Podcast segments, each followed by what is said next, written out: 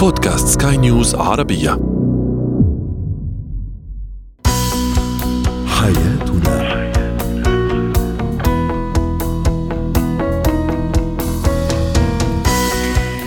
مستمعينا الكرام أهلا بكم معنا إلى حياتنا. فضاؤكم اليومي الذي يعنى بشؤون الأسرة وباقي الشؤون الحياتية الأخرى والذي يمكنكم الاستماع إليه عبر منصة Sky News Arabia dot com slash podcast وباقي منصات سكاي نيوز العربية الأخرى. شاركونا عبر رقم الواتساب 00971 معي أنا آمال شابه اليوم نتحدث عن الشريك المتذمر كثير التذمر وكثير الشكوى كيف نتعامل مع هذا النوع من الزوجات والأزواج؟ كيف أفهم سيكولوجية طفلي الصغير وأخيرا ما هي المهارات التي تجعل حياتي أكثر سهولة وأكثر مرونة؟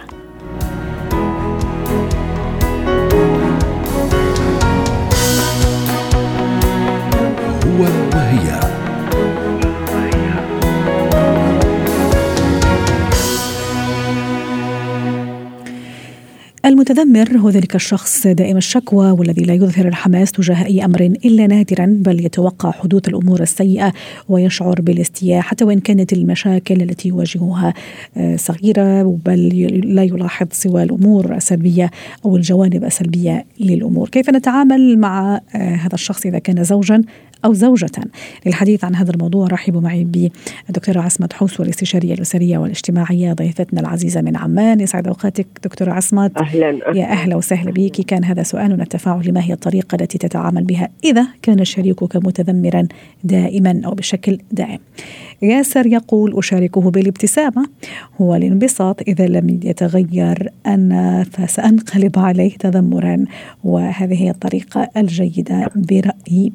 يعني يبلش بالمليح ثم ينقلب عليه. آه تعليق آخر يقول التجاهل بدل النقاش العقيم وآخر يقول التجاهل أيضا. دكتورة أكيد منه بأمر سهل ولا يعني مفرح ولا كثير واو لما يكون شريكي متذمر أو شريكتي زوجة أو زوج متذمر؟ كيف أتعامل مع هذا النوع من الشخصيات إذا كنت أنا موجودة في البيت يعني بشكل دائم؟ أول شيء كان الله في عون من يرزقه الله بالشخصية السلبية المتذمرة ذات التفكير السلبي سواء امرأة أو رجل لأنه عن جد عبارة عن يعني قاتولي يعني موجود. عبارة عن عن جبل من السلبيات موجود في البيت أبدا طاقة سلبية الكبرى إذا كانت هذا النمط من الشخصية سلبيه عدوانية. لا لا هذول يعني آه، زي كأنه مرض عضال بس بدنا آه، يعني نخفف آثاره بس مش أكثر يعني هيك الله يستر. طيب. هلا إذا كانت الرجل سلبي يعني خلينا نحكي عن نمط الشخصية السلبية أو التفكير السلبي بشكل عام المواصفات الإنسانية يعني. يا ريت تفضلي. شكر للرجل. م. أول شيء آه، التركيز على وصف المشكلة والبعد تماما عن التركيز عن الحل. آه، من من يتقنون ثقافة الولول والندب. آه، ممن آه، يلعبون دور الضحية. كل الناس غ... هدول بسميهم أبو العريف وأم العريف. كل الناس غلط وهم الصح واللي بيفهم بكل المواضيع. بتعطيه الحل. باشكل الحل بس بدهم يعني يدور على المشاكل في الحل. مش على الحل في المشكلة. أنا هدول بسميهم اللي مش لاقي حدا يتخانق معه بتخانق مع نفسه على المراي يعني هدول هيك هيك نمطهم بيكون. دائمي الانتقاد كثيري الشكوى. هلا هاي بشكل عام يعني هاي يعني صفات إنسانية يعني هدامة مش بناءه ابدا. طيب أوكي دكتورة بس آه، يعني حتى يعني كمان حط إيدنا على الجرح زي ما عم تحكي دكتورة. في عندها علاقة بالمنشأ بالتربية؟ لأنه لما أحب أنا أتعامل مع شخص وأشوف عنده مشكلة بالمشاكل إلا ما لازم أدور على على السبب أو منشأ المشكل أو أصل المشكلة حتى أقدر أتعامل معه ولا؟ طبعا 100% أنا دائما لما تجيني أي حالة بغض النظر شو تشخيصها أو شو المشكلة تبعتها أنا بروح ب ب ب يعني ببحث بال history بشوف الطفولة وتراكم الخبرات والتجارب حتى أفهم ليش ال structure of the brain يعني بنية الدماغ بتفكر بهاي الطريقة. هلأ آه وين الصعوبة بتكمن؟ إذا كان في آه rigidity يعني مش مش مرونة. يعني إذا كان في غياب للمرونة العقلية والنفسية هون المصيبة الكبرى. أما اللي عندهم مرونة غالبا سهل الشغل معهم واصلا غالبا ما بيكونوا هيك يعني. م. فهدول لهم علاقة بطريقة تربيتهم تربية صارمة كثيره الانتقاد اللي بيكونوا أهاليهم بدهم إياهم بنموذج معين ضمن النموذج اللي بعقولهم مش مش متقبلينهم زي ما هم فبيعملوا بروجكشن فهي كلها بتتخزن باللاوعي وبتصير عند أي موقف شبيه أو أو قريب من الموقف المخزن في الدماغ بيعملوا projection إسقاط لأنفسهم على الآخرين. يعني هم بيكونوا بينتقدوا حالهم وبيكرهوا هاي السمات بحالهم بس مش واعيين لها. فلما يشوفوها عند حدا آه، بتستفزهم وبصيروا يلقوا اللوم على الآخرين. هلا الرجل غالبا هلا نيجي على نركز على الحلول عشان ما نكون زي السلبيين يعني. نركز على الحلول. إذا الرجل سوري آه، الزوج كانت شخصيته سلبية أول إشي يعني لما توصل لمر... في علامات إنذار للوصول لمرحلة العصبية. فبالتالي هون يعني بنستخدم آه، تكنيك الاسفنجه امتصاص الغضب لأنه أي إعلاء أو آه، يعني إثراء العصبية والوقوع تغذية العصبية وإني أدخل معه في نفس يعني في آه. في الدوامة يعني. آه بيوصل للا عوده وتحدث يحدث ما لا يحمد عقباه. بالتالي هون مش ضعف من الزوجة إذا كانت بدها تغب آه، هاي العصبية بس هي بتحمي حالها وبتحمي نفسها وبتحمي بيتها من النكد المتواصل. هدول تجنب معهم الحوار آه، البيزنطي التجنب معهم الجدل بمواضيع عامة الحوار معهم بأشياء بسيطة خفيفة وطلبات. بس يعني هذه مش حياة أيضا كمان دكتورة. يعني أنا كيف أتناقش مع الزوج أو مع الزوجة بشكل كذا؟ يعني حوار سطحي وما أدخل في نقاش. ولا قصدك فقط لما تجيه الحالة تذمر ولا كيف؟ يعني كمان هذه يعني مش مش عيشة مش حياة. العقل الرجل يشتغل على التكرار. مم. عقل المرأة لا يشتغل على تراكم الخبرة ويعني بتقدر إنها هي تتذكر أكثر من الرجل. فبالتالي الرجل اللي هيك فلما تتعامل هي بهاي الطريقة مع التكرار بتصير تطبعه الطباع الجديد. فبتخفف إلى حد ما من أضرار هذا النمط. هلأ إذا كانت المرأة بهاي الطريقة نفس الشيء التجنب الحوار تجنب الاستفزاز يعني دائما الكلمات السحرية بنستخدم. بنستخدم مثلا مضبوط بس موافقة استراتيجية جزئية. يعني مثلا حكت موضوع جزء منه صحيح بناخذ الجزء منه الصحيح وبنقول مضبوط بهاي النقطة. هي بتعتقد بتصير إنه هو وافقها لكن هو بيوافق جزء من كل. ومرات عشان يعني طبعا إحنا دائما بالسلوك الإنساني ما في قاعدة ثابتة سحرية. في أربع عوامل بتلعب دور لنحدد ردود فعلنا. موقف شخص مكان زمان. وبالإضافة دائما بحكي إنه كل الاثنين في بينهم ديناميكية خاصة. ما نقدرش نقول اللي بزبط معك بزبط معي أو بزبط مع فلان وعلان. صحيح. فبالتالي هون بس هاي إجراءات عامة لحماية النفس من تلوث السمعي والبصري من تأثير المخيف لهذه الشخصيات. صحيح التذمر خاصة نصوري أيضا إذا كانت في أوقات جميلة عائلية في لمة وكذا ويظهر هذا نعم. هذا التصرف أو هذا الطبع المتذمر أكيد راح يفسد علينا الأجواء يعني الجميلة والأجواء اللي يعني الواحد كل واحد يحب يعيشها مع أسرته مع أولاده مع مع الزوج أو زوجته أيضا. آه، دكتورة عصمت ممكن أساعده أو أساعدها أنه يفكر بإيجابية هذا الأمر ممكن تخليه يطلع ولا تخليها تطلع من هذا التذمر؟ حسب نسبة الضرر. إذا كانت مجرد سمات زي ما بقول لك يعني بصير في هيك شوي تعود صبر من الطرف الثاني. ودائما أنا بقول لهم إنه أنتم بتعملوا هيك مش عشان الطرف الثاني أنتم بتحموا حالكم أولا والطرف الثاني بيكون مستفيد بطريقة غير مباشرة. آه لكن إذا وصلت لمرحلة الاضطراب فهون أعتقد لازم يلجأوا لمختصين لأنه بصير التعامل مع يعني الحياة قاتلة معه. صحيح. وحتى أيضا الأولاد راح يتأثروا أو الجو العام دكتورة أليس كذلك؟ يعني لما يشوفوا ال... إعادة إنتاج لنفس نمط التفكير ونفس طريقة التعامل. صحيح. نظر للأمور. نعم. صحيح. أكيد طبعا لما الولد أو يعني الأولاد لما يشوفوا شخصية أب أو أم متذمرة أو متذمرة دائما وتفسد اللحظات الجميلة اللي المفروض يكونوا فيها في لمة فإلا ما راح يتأثروا زي ما تفضلتي يكتسبوا هذا هذا الصفة ممكن حتى ليتر أون يعني مو شرط الآن لكن يعني الإرهاصات وال يعني ال يعني هذا بشكل دائم أكيد راح يأثر في هذا الشخصية. شكرا لك دكتورة عصمت. حسو واتمنى لك يوم سعيد ويعطيك العافية. زينة الحياة.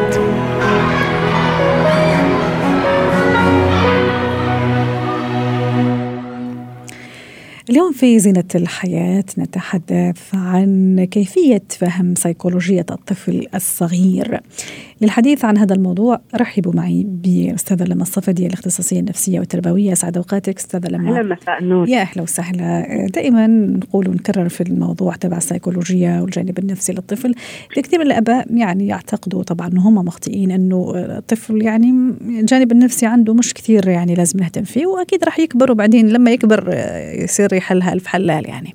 لكن في الحقيقة لا يعني السيكولوجيا يعني تتكون ولازم إحنا نهتم فيها من منذ بداية يعني وجوده في الحياة إن لم يكن قبل ذلك وهو جنين في بطن أمه. كيف أفهم سيكولوجية هذا الطفل الصغير؟ طبعا على اختلاف الأنماط والشخصيات والطباع أكيد الأولاد مش كلهم زي بعض لأنه في النهاية نحن ناس مختلفين. لما نكبر نصير أيضا شخصيات وأنماط مختلفة. كيف أفهم أنا شخصية طفلي وسيكولوجية طفلي خاصة إذا عندي أكثر من ولد؟ أكيد الحالة النفسية أو نفسية الطفل هو موضوع كثير مهم وحاليا صار يسلط الضوء عليه أكثر شو السبب؟ لأنه في السابق كان الموضوع يقال هو طفل صح. ولد ما بيفهم. دائما عندنا هاي المقولات نحن بنطلقها على أساس إنه هو بعده بعمر صح. لا يفهم وذاكرته لا تخزن الأحداث. ولما يكبر رح يتعرف على هالدنيا وعلى هالحياة ورح تعلمه التجربة. فهذه اللي يعني سمعناها كثير يعني. حتى أحيانا بنكون عم نحكي أحاديث ولكن أحاديث غير مناسبة لطفل يسمعها فبنقول هو ولد. صح. على اعتبار إنه هو يعني ذاكرته. ولكن شو اللي صار؟ بالسنوات الأخيرة كل الأبحاث والدراسات أكدت إنه نحن كل شيء عم بيصير معنا اليوم هو حصيلة ذكرياتنا باللاوعي مرحلة الطفولة والمراهقة. كل شخصياتنا اليوم بما فيها من عيوب سلبيات إيجابيات هي حصيلة الأشياء اللي تربينا عليها واللي نحن كنا ممتصين إليها الصفحة البيضاء اللي كتبت. إن كان احتياج عاطفي فبين يعني بينعكس بعلاقاتنا العاطفية مع الآخرين حاليا. إن كان عنف وعدوان فبينعكس حاليا بطريقة تعاطينا مع الآخرين. إن كان قسوة دلال مفرط فاليوم ممكن نشوف شخصيات آه غير آه مستقرة بعملها. يعني كل ما يحدث معنا اليوم هو فعلا نتيجة حالتنا النفسية. بمرحلة الطفولة. وانت عم تحكي ذكرتيني بمثل شعبي عندنا يقول تكبر وتنسى لكن فعليا لا نكبر بس ما ننسى المواقف والأشياء والطفولة. فابدا يعني مش مش ظابط هذا هذا المثل الشعبي. لا لا هو اللي بيصير العكس إنه الذاكرة بالعكس نحن حتى بنشوف بعد عمر 30 سنة ذاكرتنا تبدأ وكأنها بتعيد نفسها. صحيح. وحتى امبارح كنا نحكي مع الزملاء يعني قديش العقل الباطن إنه جدا جدا ذكي يعني وما يفوت شيء وكيف ال hard disk تبعه يعني يعني يحافظ عليه بشكل يعني مش طبيعي وكل شوية يطلع لنا ويقفز لنا في حياتنا والعقل الواعي ويعمل لنا أحيانا مشاكل. صحيح أكيد. وهذا الشيء صحيح مليون في المية بكل تفاصيلنا. لهيك نحن لازم كثير نعطي أهمية لنفسية الأطفال. حاعطيكي مثال كثير بسيط. طفل رسم لي من كم يوم رسمة. رسم نفسه بدون إيدين ورجلين. فأنا أول كلمة نبهتها للام قلت لها هل انت أم مسيطرة؟ قالت لي لا يعني أنا أم محافظة وهيك. فانتبهت بأنه الطفل مجرد ما كان في حلويات جرب ياخذ قطعة من الحلويات. فالأم قالت له نصفها. يعني هي عم تشارطه على الكمية وهو كان محتاج الأكبر. طب شو اللي صار؟ لما الأم وقفت هاي السيطرة فالمضحك بأنه الطفل أعاد نفس الرسمة ورسم البارحة أصابع رجليه كاملة.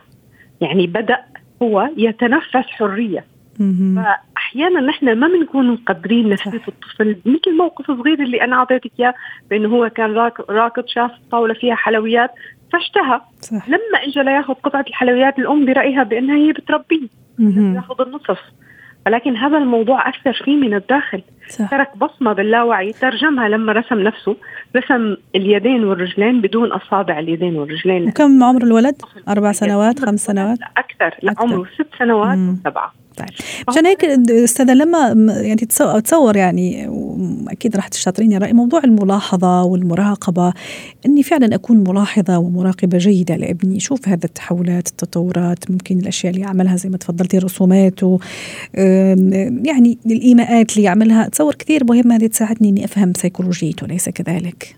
طبعا أكيد. منه بنفهم هو حالته النفسية ومنها نحن بنعرف أصلا هو لأنه نحن عندنا دائما انطباع على إنه وكأنه الطفل لا يشعر أو لا يدرك ما يدور حوله. صحيح. فأعطيكي بعد أيضا أمثلة واقعية. الطفل لما بيقع أول سن لبني من أسنانه هذا الحدث بالنسبة له هو حدث تاريخي. يعني بالنسبة له وقوع أول سن لبني وإحساسه بأنه هو بدأ بتبديل أسنانه كثير الموضوع يعني هو كطفل كحالته النفسية هو يعني له حدث. كثير من الأهل بياخذوا الموضوع لأنه هو هم. إنه هلأ بدنا نشوف دكتور يشلوا هذا السن لأ لو صار آه، أو أحيانا باللامبالاة إيه، عادي رح يروحوا كلهم. يعني ما بنعطي أهمية نفسية للحدث اللي بالنسبة لي أنا كأم.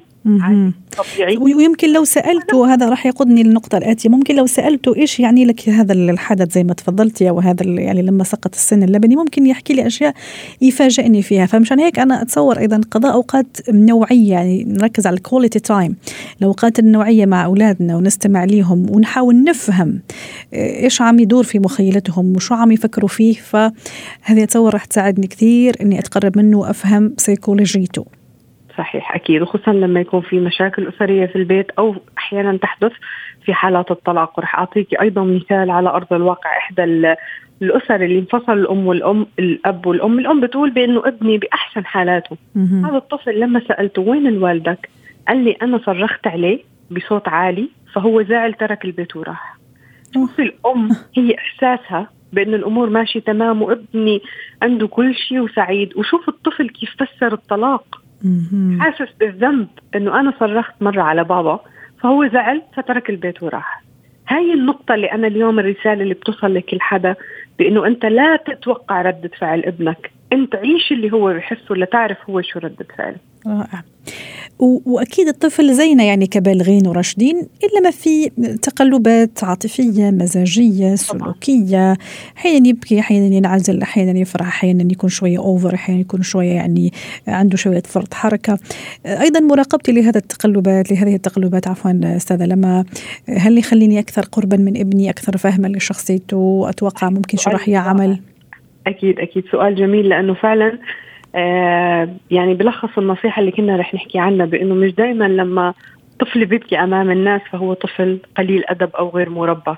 بس لما طفل بيكون معند على لعبة فأنا فقدت السيطرة عليه أحيانا بيكون حزين أحيانا بيكون تعبان نعسان. آه، مزاجه مش تمام ف... تعرض لموقف ممكن برا زعله زي ممكن نحن نتعرض ككبار وبالغين لمواقف ممكن تزعلنا و... ضربه فهو عمل ردة فعل ما دافع عن نفسه فاجى مثلا رمى شيء على الأرض أمامي. فأنا دائما بنصح الأمهات أول خطوة بتسويها قبل ما انت تحسي حالك بدك تتقري لمبادئك وتربيتك وانت كأم وإحساسك بكرامتك إنه أنا خسرت أو ربحت بالمعركة مع ابني أول شيء احضنيه. ها أول خطوة. احضنيه لو كان عصبي بصرخ بيرمي حسيتيه قام بتصرف غير مألوف فاحضنيه واساليه أنت بخير؟ هذا السؤال بحد ذاته بنشوف يا أما الطفل رح يبكي يبدأ في البكاء أو بنشوف هذا الطفل ممكن يحكي لك لا أنا ضربني فلان أنا تعبان أنا نعسان أنا حاليا جوعان بس أنت ظروفك ما بتسمح. فيبتدي الطفل يعبر وهي أهم نقطة بكل شيء بنحكيه بإنه نعلم اولادنا يحكوا اللي بيخافوا إنهم ينحكى. هي أهم فكرة ممكن تكون صحيح ونعطيهم الأمان إنه شو ما حكوا يعني هم في مأمن وفي أمان و... وراح أناقش معه الفكرة يعني شو ما كانت هذه الفكرة حتى نبني جسر الثقة بيننا وبينهم. شكرا لك أستاذة لما الصفدي ضيفتنا العزيزة من دبي ويعطيك العافية. مهارات الحياة.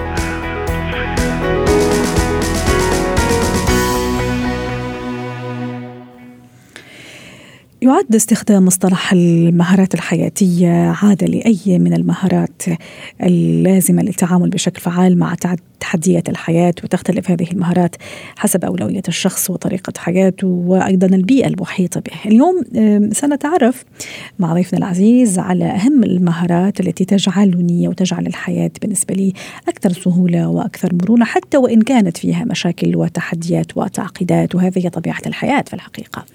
رحبوا معي بالأستاذ محمد الطيب مدرب مهارة الحياة. ضيفنا العزيز يسعد أوقاتك أستاذ محمد. أنا حياتي فيها شوية مشاكل شوية مطبات زي زي كل الناس الناس كل البشر في هذه الحياة وفي هذه الدنيا. لكن حابة يعني أتحدى نفسي وأتحدى هذا التعقيدات وأجعل من هذه الحياة سهلة ومرنة رغم صعوبتها ومحتاجة لبعض المهارات. هل ساعدتنا فيها؟ مساء الخير أستاذ أهلا وسهلا. الحمد لله. أهلا وسهلا. آه خلينا الموضوع كثير رائع. آه شكرا. لأن كلنا بنمر بالأمور دي. حتى في ناس كثير بيسألونا أنت كمدرب حياة أو كلايف كوتش صح. ما ما بتقعش في ما عندكش مشاكل؟ دائما تحل مشاكل الناس. انت ما عندكش نفس نفس السلع اللي عندنا دي. بنقول لا والله إحنا عندنا نفس المشاكل ويمكن تكون أكتر شوية بس الفكرة إن إحنا وقعنا بيكون أقل وإذا وقعنا الفط المدة الزمنية اللي بن... اللي بنفضل فيها داون ما. بتطولش. لأنه أيضا الوعي يكون أعلى أستاذ محمد. هو كده. موضوع الوعي دي من ضمن المهارات كمان اللي إحنا نتكلم عنها يعني. رائع. آه، الو- الوعي بيجي من المعرفة كمان. طيب خلينا نحط خطوات الموضوع ممكن أتكلم في في مهارات كتير. بس أنا حصرتهم في سبع نقاط علشان أكون محدد في الفترة الزمنية بتاعتنا. واحد إن يكون الواحد عنده رقم واحد التوكل واليقين بالله. لأن الموضوع ده علاج. التوكل واليقين بالله بغض النظر أنت دينك إيه. بس آه لو عندك التوكل واليقين بالله آه إن ربنا سبحانه وتعالى هيصلح لك كل أمورك ده موضوع مهم جدا بيريحك نفسيا. ده جميل. رقم واحد رقم اثنين اللي حضرتك اتكلمت عليها هو الوعي الوعي أصلا من أهم مصادره هو المعرفة فكان في أحد المدربين الكبار العالميين كان بيتكلم في موضوع المعرفة مثلا خلينا ناخد مصدر من مصادرها هي مصد- مصدرها القراءة. القراءة النهارده بتتراوح ما بين إذا كانت قراءة آه، على كتاب آه، في إيدي، في ناس بتحب القراءة في, في- في الإيد، وفي ناس النهارده بتستخدم ال audio books. فإن يكون في كتاب مسموع يكون أسهل لو أنا بستخدم التليفون أو لو أنا على طريق سايق ساعات الواحد في الطريق بيكون زحمة وبيسمع كتاب ساعات ما بيبقاش عايز إن الزحمة تخلص عشان الكتاب مهم جدا. فللدرجة دي بقى الموضوع سهل إن الواحد يسمع وكان المدرب كان بيقول إن هو براين تريسي بالمناسبة كان بيقول إن الواحد لو قرأ ساعة واحدة في 24 في ال 24 ساعة في اليوم بس يلتزم بساعة واحدة في اليوم. يقدر يخلص كتاب لو هيقرأ بالطريقة العادية أو لو هيسمع بال... بالوقت العادي يقدر يخلص أي كتاب هو عايزه آه، بالمعدل الطبيعي يعني في في, في أسبوع يعني لو ساعة في اليوم سبع ساعات آه، في الأسبوع فبيقدر يخلص كتاب. لو مشي على السيستم ده لمدة سنة ده معناه إنه هيخلص 50 كتاب في السنة. لو. طبق لسنتين مم. لو طبق لسنتين يبقى 100 كتاب. لو في مجاله يبقى من أفضل 10 في مجاله في العالم. بتبدأ بساعة في اليوم.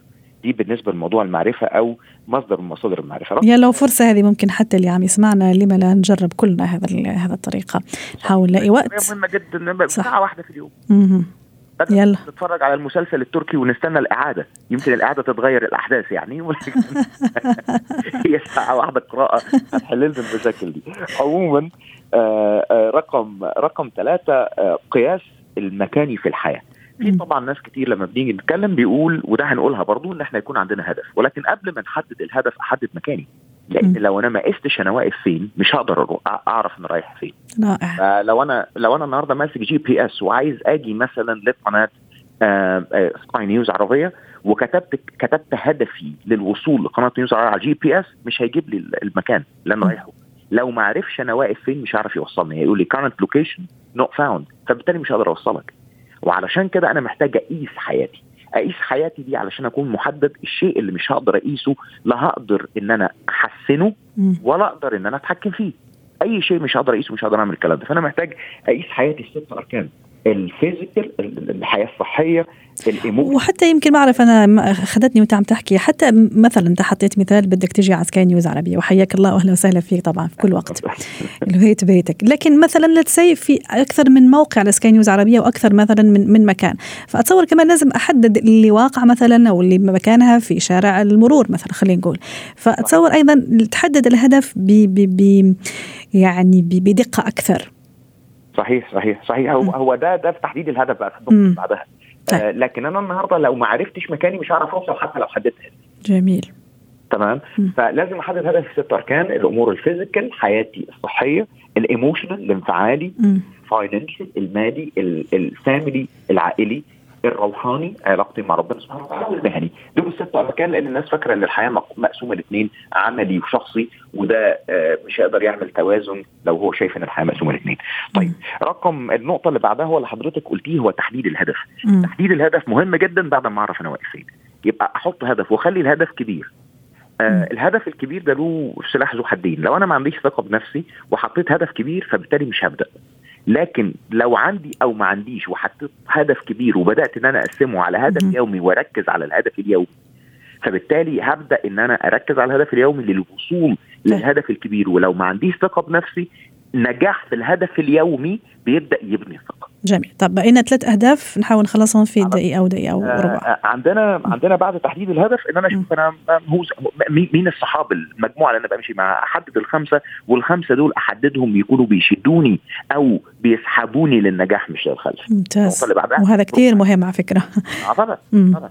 وأنا مش عايز أطول فيها لأن النقطة دي محتاجة أقف عليها كتير يعني. يعني ممكن نعملها أيضا حلقة خاصة على الأصدقاء وكيف يعني فعلا يسحبونا بعدها ال proactivity وده to be proactive دي العادة الأولى في كتاب العادات السبعة ودي بننصح بقراءته من ضمن موضوع المعرفة. إن أنا أكون proactive مش ترجمتها إن أنا أكون آآ آآ عندي آآ المبادرة لا. ال proactive إن أنا أكون ما اتاثرش بالحالة اللي حواليا حتى لو كانت سلبية إنما أكون قادر إني أغير الحالة اللي حواليا بطريقة حركتي أنا. والرقم سبعة وده المهم جدا هو الثبات الانفعالي ال emotion stability كان قالها آه أهم الكتب اللي موجودة من 500 سنة الكتاب اللي اسمه فن الحرب. كان يعني قال نقطة مهمة جدا آه في في المجال ده في, في أهمية الثبات الانفعالي لو إن خصمك شديد الانفعال.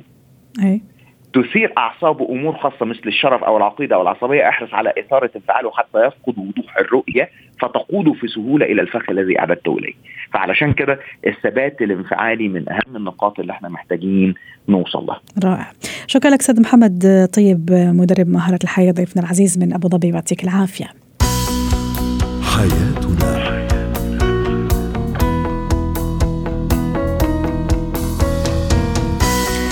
ختام حلقة اليوم من حياتنا. شكرا لكم وإلى اللقاء.